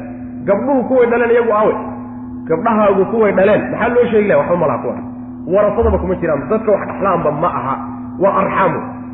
Arxaam baa la yidhahdaayo dadka dhaxal kale ka mid maaha gabdhaha xaggooda macnaha dadka ka yimaada ee macnaha waxa gabdhahaagu ay dhaleen laakiin wiilashu dadkay dhaleen. Ama gabdha ha noqdeen ama wiilal ha noqdeen. Kuwaasaa macnaha dhaxal kale wey mana waxaan idhi marka aabbihii iyo hooyadii marka wax la siinayo waxaa la fiirinayaa meydku muxuu ka tegey? Meydku hadduu carruur ka tegayo waxaa la siin? Baan idhi mid walba sudus baa la siin. Wataa meeshaasay ku qoranta ayib haddii uusan meydku carruur lahayn see baa loogu talin marka meydku carruur kama tegin wiilashu carruur ay dhaleenna muusan wiilashiisu carruur ay dhaleenna muusan ka tegin see loogu talin. Way kala baxayaan marka. Hooyadii waxaa la fiirini ma joogaan meydku carruur yuusan kaba tegini walaala maleeyo wax walaalla ama ka tegey. Shardigii kalaa ilan inaga maqane haddii walaalo loo helo hal ka badan laba walaalaa iyo ka badan meydka haddii loo helo hooyadu suduskeedii bay joogi ka soo guuri mayso haddii laakiin meydku uu walaalo waayo walaalana waa waaye hal ka badan. Carruurna ma laha. Hooyadii markaa waxay imaan hulus bay imaanaysa aabbihii muxuu noqoni marka? Xaalkiisu muxuu noqon markuu meydkii carruur uusan ka tegin aabbihii wuxuu noqonayaa carruur hadduusan meydku ka tegin oo bilkulliya gabdho iyo wiilal midna uusan ka tegin aabbihii markaa meeshii wiilashoo kale soo fadhiisano casabuu noqoni haddii aan cid kaloo wax la wadaagta jirin oo qaraabo kale meesha joogino xoolahoo dhan isagaa qaadan haddii kaleeto dadkaa waxooda marka la siisiiyo ayuu wuxuu sugayaa wuxuu u soo haray yacni casabuu markaa noqonaya macna. Fain lam yakun lahu waladun haddii aan meydku carruur uusan lahayn oo wawarisahu ay dhaxlayaan abawaahu aabbihii iyo hooyadii ay dhaxlayaan faliummihi hulusu aabbihii hooyadii waa la kala qaaday marka. Hooyo waxay leedahay markaa hulus bay leedahay. Hulus bay leedahay. Maxay hulus ku leedahay? Hal shardi. Shardigaasi muxuu yahay waa inuusan meydku carruur ka tegin shardigii labaadna waa ka. Fa in kaana haddii ay u ahaatay lahu meydka ikhwatun walaalo hal ka badan hadduu leeyahay faliummihi hooyadii waxaa u sugnaatay assudus. Sudus bay dib ugu guuraysaa macna waa in walaalo fara badanna la waayo oo meydku uusan ka tegin. Carruur meydku uu dhalayna uusan ka tegin markaa kadib bay hooyadu sudus wax ku qaada laba goorna sudus bay wax ku qaadano waa meydku carruur hadduu ka tago iyo hadday walaalo hal ka badan meesha joogaan. Labadaa goorna macnaha waxa weye sudus bay wax ku dhaxlaysaa hooyadu sidaas bay macnaheedu. Ayib intaa marka laga sheekay aabbihii marka lama sheegina fir yaani markii fain lam yakun lahu waladun haddii meydku carruur uu ka tago oo aabbihii hooyadii ay dhaxlayaan hooyadii sulus bay leedahay haddayna wiilal haddayna joogin walaalo joogin hadday walaalo joogaan waxaan u jeedaa haddayna walaalo joogin hadday walaalo joogaanna suduskiiba dib ugu noqon. Oo aabbihii maxaa loo sheegi waaye marka uusan meydku carruur ka tegin waxaa macnaha loo sheegi waaye aabbihii markaan casabuu noqon. Furuud dadka wax loo qadarahayo oo dhan buu ka bixi oo wuxuu noqonayaa wuxuu sugayaa wixii u soo hadhuu sugaya waxaa markaa kutusaya xadiidka nabiga sal alay waslam alxiqu lfaraa'ida biahliha famaa baqiya faliwlaa rajulin dakarin. Nin hadda ka xiga meydkan meesha yaalla ma jiro. Mar haddaan laga xigin wixii marka la qaybsado oo dadkii faradka lahaa ay qaybsadaan kadib ayuu markaa isagu sugayaa macna. Saasuu xukunkiisu noqonaya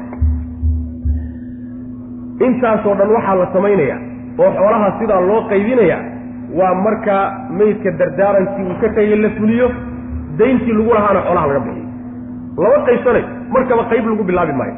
Kow horta waxaa ugu horreeya xoolaha markii laga geeriyoodo oo ninku xoolihiisa uu ka dhigo tajhiizulmeyit meydka in horta bal laga aaso kharashkii ku bixi lahaa iyo qabrigiisii iyo kulli in laga bixiyo. Markii laga aaso kadib wixii soo hadha ayaa markaa waxaa ku xigta dayn wax alla wixii dayn lagu lahay o dhan in laga bixiyo. Xaqulhayr ma ujeeda daynta ilaahay uu ku leeyahay ee zakada ah sidoo kale waa laga bixin. Saasaa raajic haddii xoolahan zake lagu lahaa oo dayn ilaahay ay saarnaydna waa laga bixin. Duyuuntu markay ka dhammaato kadib ayaa markaa waxaa loo imaanayaa meydku muxuu dardaaran ka tegey ilan meydka inuu dardaarmaa u bannaan. Wuxuu dardaarmi karaa xoolaha saddex meelood marka loo qaybiyo. Meel ka mida inuu dardaarmo oo dadka u dardaarmaa u bannaan. Fii suurati albaqara aan ku soo marnay in dadka wax loo dardaarmayo ay shardi tahay inaysan dadka wax dhaxlaya ka mid ahayn. Dad kaleeto oo qaraabada kale iyo xigaalka iyo xididka ah ayuu u dardaarmaya macna. Dardaarankii meydku uu ka tegey. Haddayna xoolahaas suliskood ka badnayn ayadana waa in la fuliyo. Markii la fulfuliyo dardaaranka ayaa markaa kadib waxaa loo imaanaya haye aan qaybsanna marka qaybtu markaas la sheegayo meesha lagu sheegayo markaasay imaan. Min bacdi wasiyatin yuusii biha aw daynin saasaa laga wada daynta iyo dardaaranka marka laga bixiyo. Waxaa ka horreeya labadoodaba marka laga aaso meydka macnaha. Marka unbaa qaybsigu imaanaya macnaha. Yuusiikum allahu yani markaas alla subxaana watacaala wuxuu yidhi yani wuxuu sheegayaa xikmadda ku jirta rabbi qorshaynta uu sidan wax u qorsheeyey dhaxalka u qorsheeyey oon idinka laydiin daynin oo saa doontaan ka yeela la odhanin. Waxaa laga yaabaa idinka haddii laydiin dayn lahaa. Inuu ruuxu isdii lahaa aleelahay wiilashaada ayaa aabbi iyo hooye iyo awow kaaga dhow ayagaana kaaga nafci dhowe ayaga wax u bad xoolaha iyaga sii. Oy suurtagal noqoto inay kulligood wada caasiyiin intay noqdaan aabbaha iyo hooyadaa iyo ayadaa iyo waalidiinta ay macnaha waxa weeye nafcigoodu kaaga dhowaan ama meehe intaad waalidiinta nafci bido in ay macnaha waxa weeye nafcigaad ka bidaysay ka weydo oo carruurtu ay kuu dhaanto. Labaduba marka waa suurtagal weeye allah marka labadaba garane kii nafci ahaan idin dhow idinkuma taqaanaan. Rabbi marka xikmadaasu wax ku qorsheeyey oo wax ku qaybiyey macnaha saas idinku laakiin ma garanaysaan caqligiinna iyo maskaxdiinna marka hawla noqonina. Yuusiikum allah alla wuxuu idin dardaarmayaa. Fii awlaadikum carruurtiinna dhexdooda wuxuu idinkala idinku dardaarmaya yacni fii awlaadikum fii sha'ni awlaadikum. Carruurtiinna arrinkooduu rabbi idinkala dardaarmaya ama uu idin amraya bimaa yudkaru waxa la sheegi doonuu idin amraya macna. Haddii yuusida aad macnaa ya'mur ka dhigto lidakari mitlu xabdil untayni marka waa jumlo bilaabanaysa rabbi wuu idinla dardaarmayaa oo wuu idin amrayaa lidakari carruurtaa marka dhaxal kale. Waxaa ka baxayo oo sunnadu ka saartay iyo ijmaaca ummaddu yacni ilmahaagu hadduu yahay gaal hadduu yahay. Dhaxal oo diintaas ku khilaaftaan. Waxaa kaleeto uusan dhaxal lahayn. Haddii uu macnaha addoon yahay addoon hadduu yahayna dhaxal isagana mala waxaa kaleeto isaguna uusan dhaxal lahay hadduu qaatil yahay. Isagaaba waalidkii dilay isagana dhaxal maaha sunnadaas saddexdaaba ka saartay oo mawaanic macnaha waxa way irsi baa la yidhaahdaa. Laakiin inta kale carruurtaa dhaxal bay leeyihi lidakari kallab waxaa u sugnaaday oo carruurta ka mid a mitlu xadi lunsayayni labada dhadigga ah qaybtoodoo kaluu leeyahy labadoodu qaybtay isku qaadanayaan buu isagu keli ahaan u qaadanaya macna. Fa in kunna nisaa'an haddii ay yihiin carruurtii nisaa'an hadday haween yihiin haweenkaasoo fawqa snatayni laba ka badan ama labi iyo ka badan iska laba ka badan falahunna waxaa u sugnaaday oy leeyihiin haweenkaa labada ka badan ragna uusan la joogin wey macnaha falahunna waxaa u sugnaaday hulusaa maa taraka maydku wuxuu ka tegey saddex meelood laba meelood. Laba israaci wey macnaha saddex intaad u kala dhig laba meelood bay qaadanayaan. Wa in kaanat hadday tahay tii wax dhexlaysay ama la dhaxalsiinayey ama la dhalay waaxidatan hal mid hadday tahay hal gabadh ah oon nin wehelinin walaal ma wehelin. Macnaheedu waxa weeye nin walaalkeedu maydku la dhalay ma joogo meesha. Falaha waxaa u sugnaaday annisfu baa u sugnaaday. Macnaha iyaduna waa keligeedoo gabdho kaloo walaalaheedna lama joogaan wiil walaalkeedana meesha lama joogo labada xugun baa isbedelaya hadday meesha yimaadana waa kaan soo sheegnay. Sidaa u siiya bu rabbilahi subxana watacala waxoogaa marka waxaa jirta yaani gabdhaha su'aal baa isweydiin laho inta badan dadka gaalada ah iyo dadka gaala raaca ah tashwiish ay ku tashwiishiyaan muslimiinta ay ku tashwiishiyaan oo xukunkiina ilahay ay ku duraan. Waxay tahay arrintaas qayb waxay ka tahay duulaan weyn oo ummadda islaamka yaani lagu soo duulay oo diinteeda lagu soo duulay arrinkaasi wuxuu ku wajahan yahay oy leeyihiin islaamku haweenka xuquuqdooda wuu duudsiyey oo wuu dulmiyey. Xaggee wuu ku dulmiyey? Maxaa yeelay yacani dhaxalkii laba gabdhood iyo wuxuu simay wiil buu simay. Meesha waxaa ka muuqata islaamku inuu raggii haweenkii ka fadilay oo uu ka ficnay xikmadda ku jirta dad fara badan inaysa fahmin baa laga yaabaa oo markaa ay dheg dhegta jalab u siiyaano ay shubahaadkaa ku qancaan laakiin haddaad dhuuxdaan rabbi horta subxaana wa tacaala isagaa wax walba inooga og. Xikmo iyo maslaxo ku jirta darteed buuna xukumkan u jideeyey masaalixda ku jirta mid ka mida haddaan ka tilmaano. Oy culimmadu sheegaan waxa weeyaan haweenta iyo ninka haddii sidaa wax loogu kala badiyey sidaasaa cadaalad. Nafsulcadaalaba waa sidaa inay cadaalad tahayna waa waxay ku caddahay ninkii haddii uu macnaha waxa weeyaan nolosha sharcigu wuxuu saaray takaaliifta oo dhan nolosha isagaa dusha laga saaray. Haweenayda laakiin takaaliiftii nolosha oo dhan waa laga babcay oo rag kaley takaaliifteedu saaran yahay hadday gabadh tahayna walaaladeed iyo aabbaheed buu xilkeedu saaran yahay haddii ay haweenay tahayna ninkeedaa xilka la saaray. Waxaba yaraatee xoolaheeda ay uga baahan tahayba maba jiraba. Waaba makfuuloo waa la kafaalo qaaday oo meeshaasay macnaha sariirta dangiigtaa. Wax kaleba uma baahnaba xataa xoolaheedii baa macnaha u kaydsan ninkan laakiin yaani waxa weeyaan asagaa inuu isdila loo baahan yahay. Haddii uu xaas iyo carruuri meesha yimaadaan asagaa looga baahan yahay inuu biilo haddii uu guri dhisayo gurigii waxaa loo baahan yahay inuu isagu nafaqeeyo oo meherkii iska bixiyo oo sariirtii dhigo oo gurigii alaabtii keeno oo gabadhii dhar u xidho isagaa laga doonay. Middan laakiin waa loo dhar xidhi gurigii baa loo dhigi. Weliba intaa dheeraad meher wax la yidhahdaa loogu daray waxaaga wax lagugu darba weeye ma tanaa dulman mise kanaa dulman marka aan isweydiine. Kaba soo qaad kaba soo qaad aan misaaline misaal tawdiixi aan ku sii samayne haddii mayd masalan uu wiil iyo gabadh ka dhinto wiil iyo gabadh xoolo saddex kunana uuga dhinto wiilkii laba kun baa la siini gabadhiina kun baa la siini. Hadhowsuu gabadh guursaday wiilkii gabadhii hadduu guursadayba labadii kunba waxaa looga qaatay meher baa looga qaatay. Asagoo gacmo madow uu meesha soo istaagay gurigii baa sugaya gabadhii baa meesha fadhida hawl oo dhan baa ku soo wajahay waxbana gacan kuma hay ayadoo kunkeedii iyadoo haysato ayaa la guursaday. Kaba soo qaata. Kunkeedii baa laba kun oo kaleo waxaa loogu daray yacni meheraa loogu daray. Meeqay haysataa saddex kun sooma haysata kanna soo caydhmo waxba maayo sooma kii weliba waxay sii sugaysaa arabdixii iyo meeshay geli lahayd iyo gurigeedii iyo intaasoo dhan bay sii sugaysaa. Koodee marka dulman. Haddii miduun dulman yahay oo la odhanayo mid baa dulman xaggaa loo janjeerin lahay laakiin midna ma dulmanee rabbi baa qaybiyey subxaana wa tacaala xikmadda ku jirta mid ka mido. Haddii laakiin ha la sii faahfaahiyo o la sii sheeg waa fara badan yihiin macna. Sidaasaa marka rabbi wax ku jiraya subxaana wa tacaala xikmaddaa weyn baa ku jirta laakiin dad aan waxba fahamsanayn baa meelaha intay ka dhadha ka dhadhawaaqaan. Ayay macnaha waxa weeye muslimiinta oo wax garad ahayn ayaa lagu qancaya macnaha waxa weye qalbiga la gashanaya macna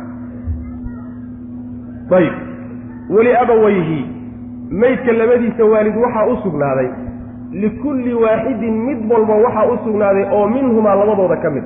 Mid walba goonidiisa wuxuu u leeyahay assudusu lix meelood meel. Mimaa shay xaggii ayuu ka leeyahay taraka uu meydku ka tegey.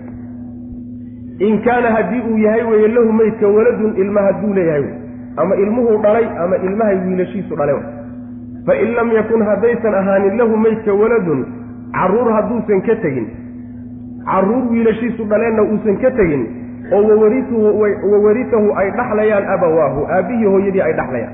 Faliummihi hooyadii waxaa u sugnaaday assulusu saddex meelood meel bay leedahay.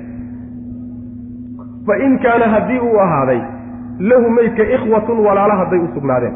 Walaalo macnaa waxa weeye waa walaalo ka badan hal laba walaalo ah iyo saddex iyo wixii ka badan walaalahaasi ama xagga hooye meydka walaalaha kala noqdeen xagga aabbo xagga hooyo xagga aabbihi xagga hooyo isku jira walaalaba mar hadday yihiin labana ka badan yihiin waa haakada macna. Saasuu xukunku noqonaya laba iyo ka badana macna.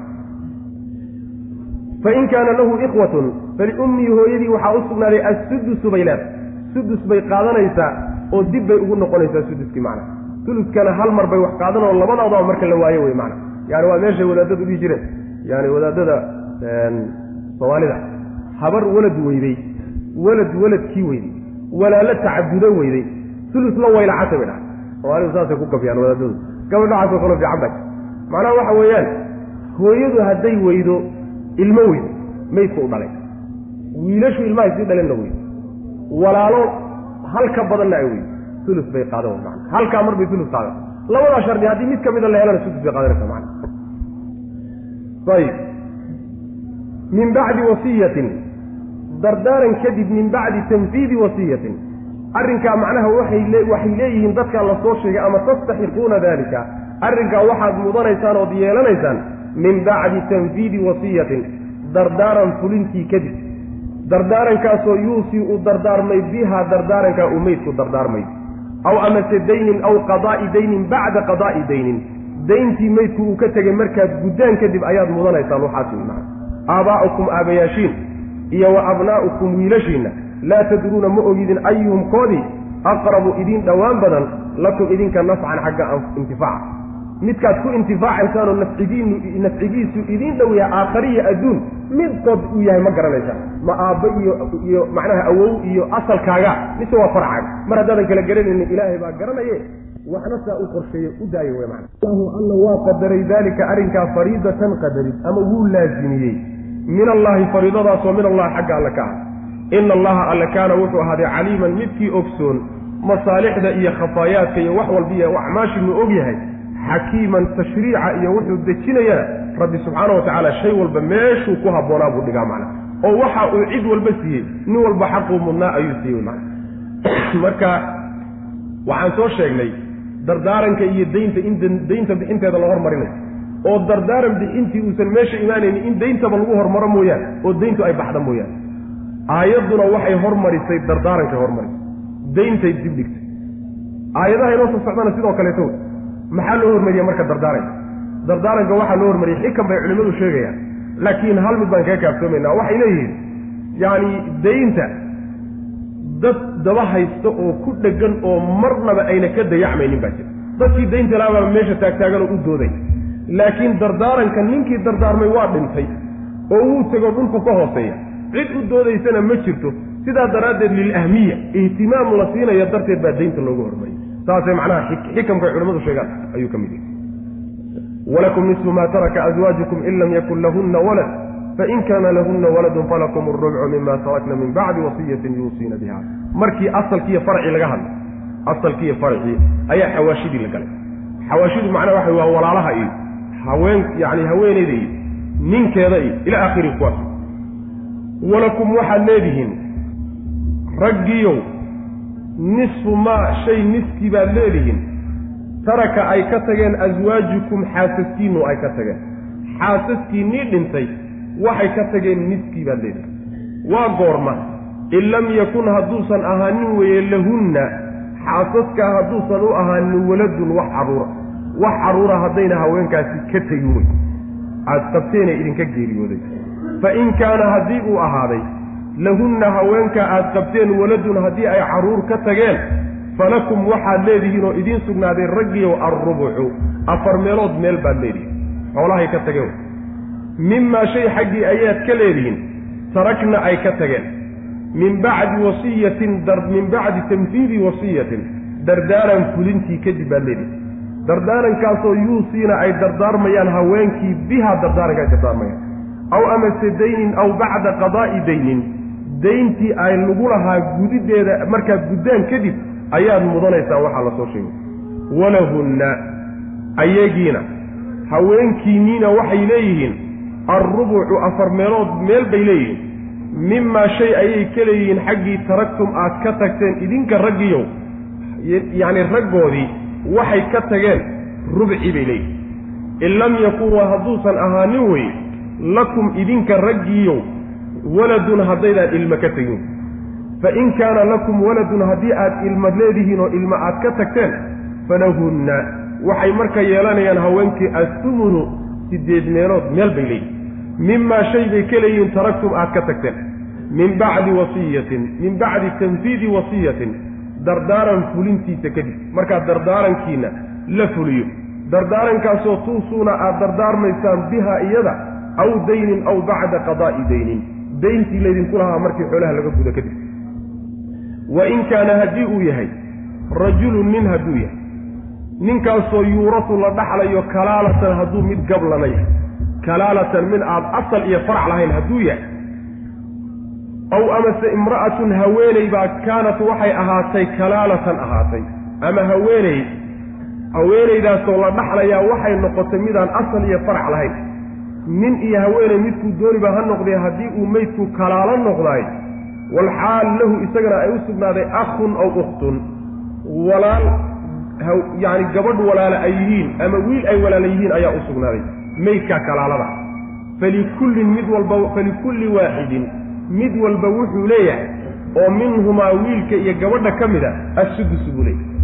Gabadh buu ka tegey ay walaala yihiin ama wiil ay walaala yihiin buu ka tegey asal iyo faracna kama tegin midna wiilku hadduu keligii yahay sudus buu leeyahay hadday gabadha keliga tahayna sudus bay leedahay ayib fa in kaanuu hadday yihiin yacni wiilash walaalihii agtaro kuwa ka badan min daalika hal mid bay ka badan yihiin.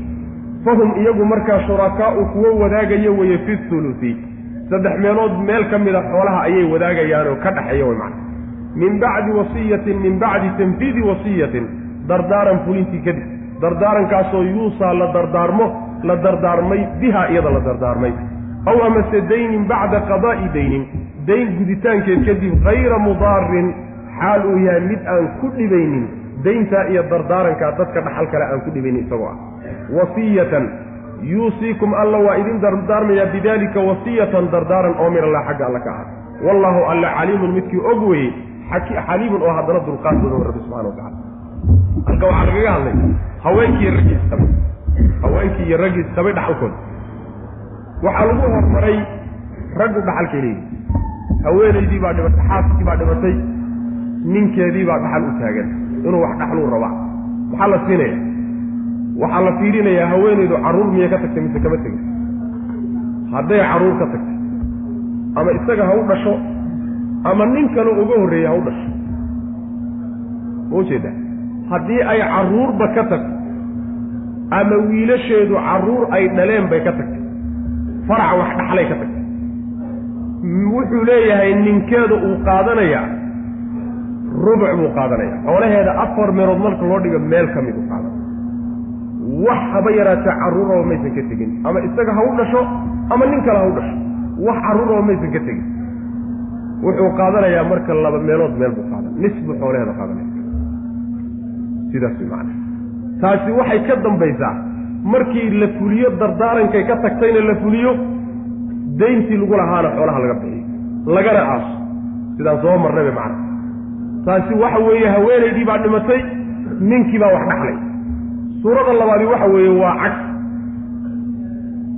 yacni ninkii baa dhintay haweenaydiisii baa dhaxal u timid ayadana ninkaa la fiirinayaa wax ma ka tegey.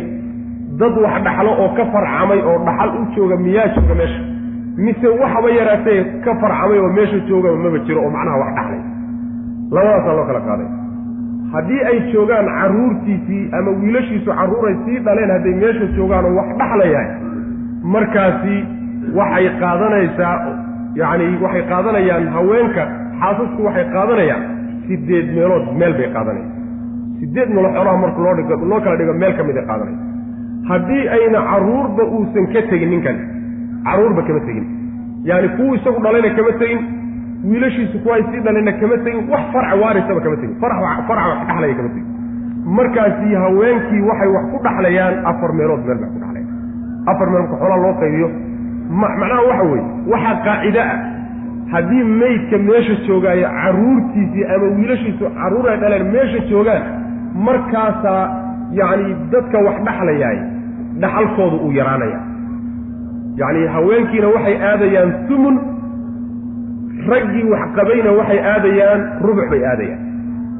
Markii ayna carruuri joogin iyo kuwo ka sii farcamayna yacni haweenkiina waxay imaanayaan rubuc raggiina waxay tegayaan nisfi bay tegayaan. Saas way macnaha qaacida intaaba waxaa ka horreeya dayntii iyo dardaarankii iyo macnaha aasidii iyo in laga hormariyo macnaha intaasaa laynoo sheegay. Waa aayadda qaybteeda hore wey. Qaybteeda dambena waxay ka hadashay meydkii kalaalo wey.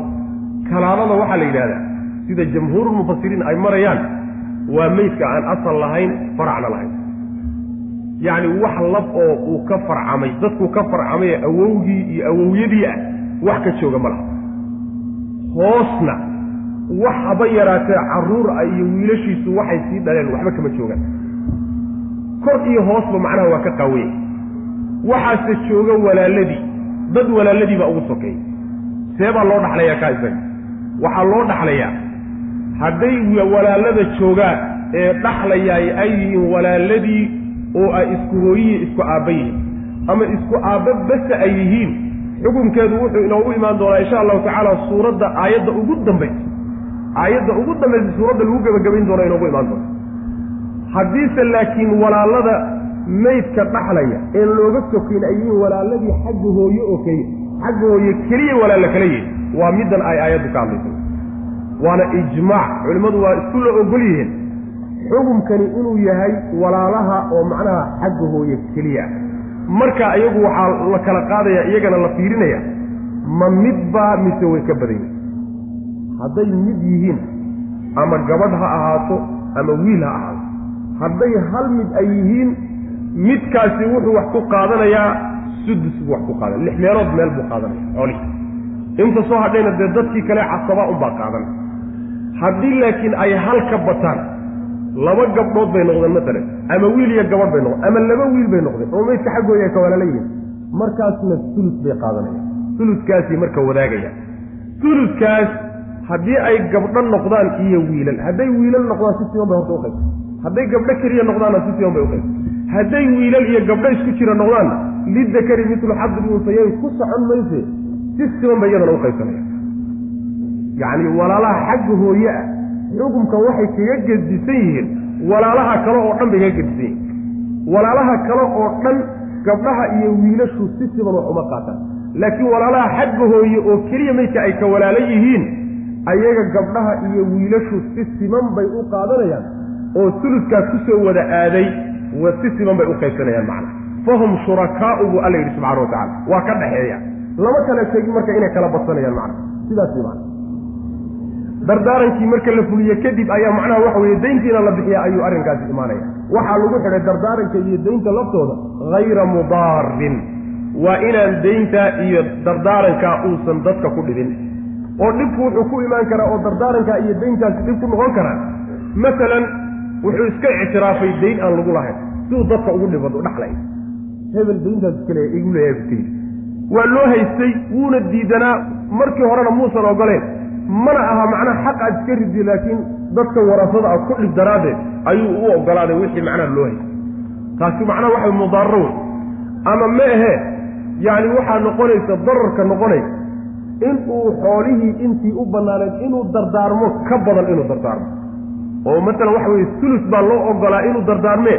In ka badan hadduu dardaarmo xoolaha iyo idana waa dhibid oo warasada iyo dadka wax dhaxlaya dhib ku tahay marka waxa weye dardaaranka iyo dayntu labaduba waa inaysan ku dhibaynin dadka dhaxalka leh. Oo marka hadday dhibkoodan keensanayaan waa la bedelaya waa inagii soo marnay yani waxa weeyaan fi suurati albaqara ayaan ku soo marnay xataa cidda dardaarankaasi lagaga tegay hadduu arko inay jawr iyo dulmi ku tahay dadka wax dhaxlayahay wuu bedeli karaa macna. Walakum nisfu maa taraka aswaajukum waa iska caddin marka aayadda xugum yani axkaamta ka hadlaysaa. Waa iska muuqataa walakum waxaa idiin sugnaaday raggiyow nisfu maa shay niskii baad leedihiin shaygaasoo taraka ay ka tageen aswaajukum xaasaskiinu ay ka tageen. Xaasaskiinu waxay ka tageen nis baad ku leedihin waa goorma. Ma mar walbaa maya. In lam yakun hadduusan ahaanin weeye lahunna ayaga waladun hadduusan carruur u sugnaanin. Carruurta waxaa la mida ay dhaleen carruurtay wiilashoodu dhaleenna waa la mid macna. Carruurta ama adiga ha kuu dhaleen ama nin kale ha u dhaleen. Kala qaad malaa macna. Fa in kaana haddii uu ahaaday lahunna haweenkiinni iyo xaasaskiinnii haddii uu ahaaday haweenkii idinka dhintay waladun haddii ay carruur ka tageenoo carruur u ahaatay falakum waxaa idiin sugnaadood leedihin alrubucu afar meelood meel baad marka leedihin mimaa shay xaggii baad ka leedihin taragna ay ka tageen. Waxay ka tageen baad afar meelood meel ku leedihin macna. Yaani rubucaa ka yar niska niska iyo rubuca rubucaa yar min bacdi wasiyatin waxaad leedihiin arrinkaa isaga ood mudanaysaan. Min bacdi tanfiidi wasiyatin dardaaran markaad fulisaan dardaarankaasoo yuusiina haweenkiinnii dhintay ay dardaarmeen bihaa dardaaranka ay dardaarmeen aw daynin aw bacda qadaa'i daynin dayntii lagu lahaa markaad guddaan kadib ayaad mudanaysaan macna.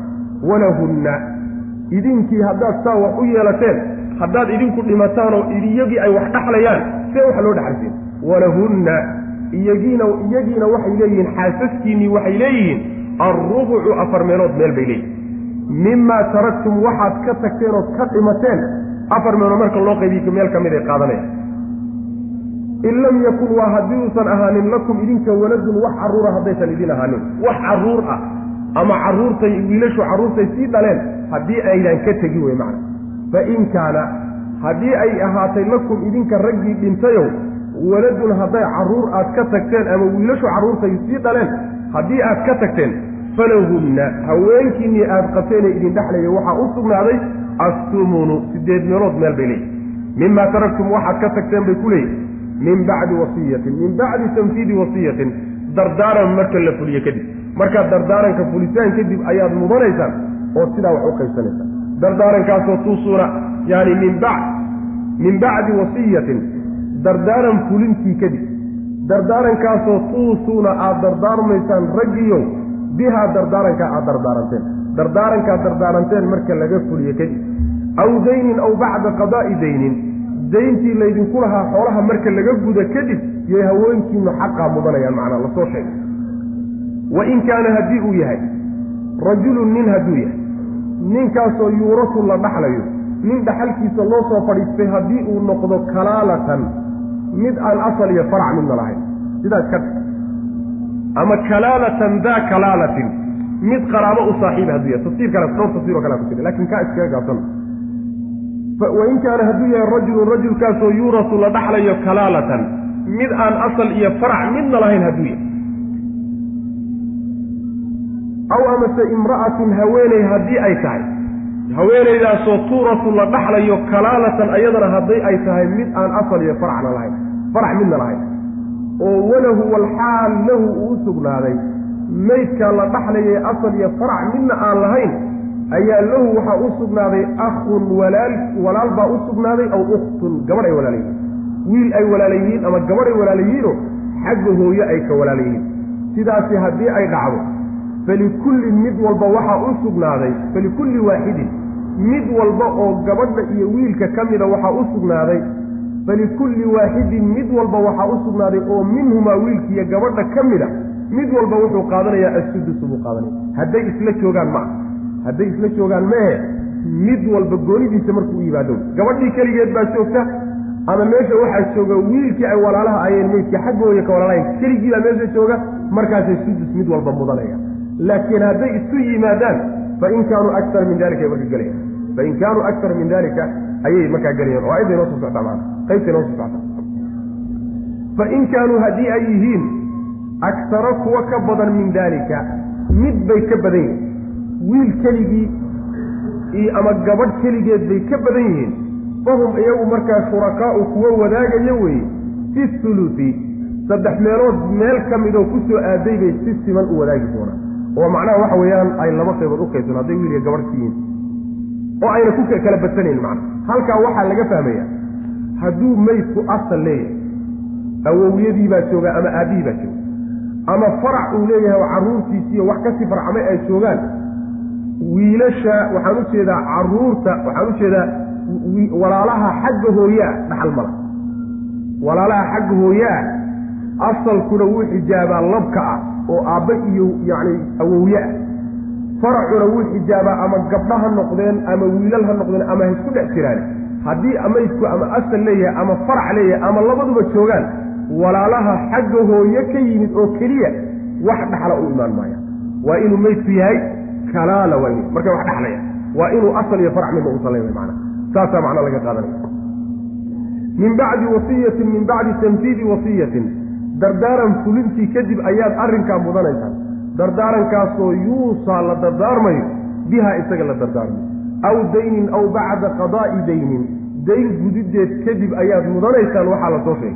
Hayra mudaarin xaal uu yahay mid aan ku dhibaynin kaa wax dardaarmayahay ee dayntiisa la bixinayahay ee meydka hayra mudaarin isagoon ku dhibaynin dadka warasadaa isagoon ku dhibaynin dayntaas iyo macnaha waxa weeyaan dardaarankaba wasiyatan alla wuu dardaarmay wasiyatan dardaaran ayuu idin dardaarmaya. Min allaahi dardaarankaasoo xagga alle ka ahaaday. Wallaahu allana caliimun midkii ogsoon weeye masaalixda iyo wax walbuu og yahay xaliimun oo haddana dulqaad badan wey rabbi subxaana wa tacaala wallahu aclam wsala allahuma waslama calaa nabiyina muxamedi wcala alihi wasaxbi wasalam